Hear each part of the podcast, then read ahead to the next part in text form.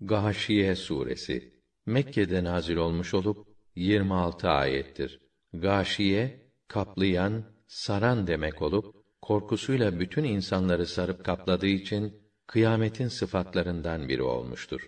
Rahman ve Rahim olan Allah'ın adıyla. Gâşiyenin dehşeti her tarafı saracak olan o felaketin mahiyeti hakkında elbet sen de bilgi sahibi oldun. Yüzler vardır. O gün yere eğilmiştir. Zelildir. Yorgundur. Bitkin mi bitkindir. Kızgın ateşe girerler. Susayınca kaynar su kaynayan bir çeşmeden içerler. Yiyecekleri sadece bir dikenden ibarettir. Bu diken ne besleyicidir ne de açlığı giderir. Ama yüzler vardır, o gün mutludur.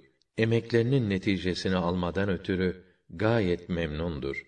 Pek üstün ve pek muteber bir cennettedir. Orada hiç boş söz işitmezler.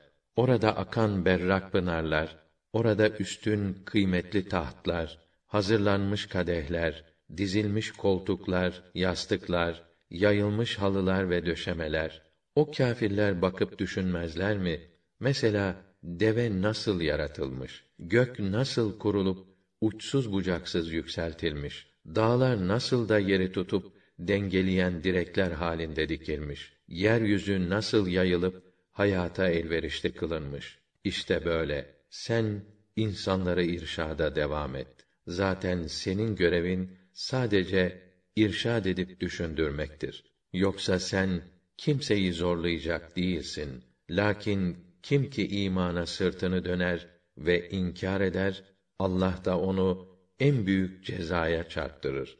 Elbette onların dönüşü bize olacaktır. Elbette hesaplarını görmek de bizim işimiz olacaktır.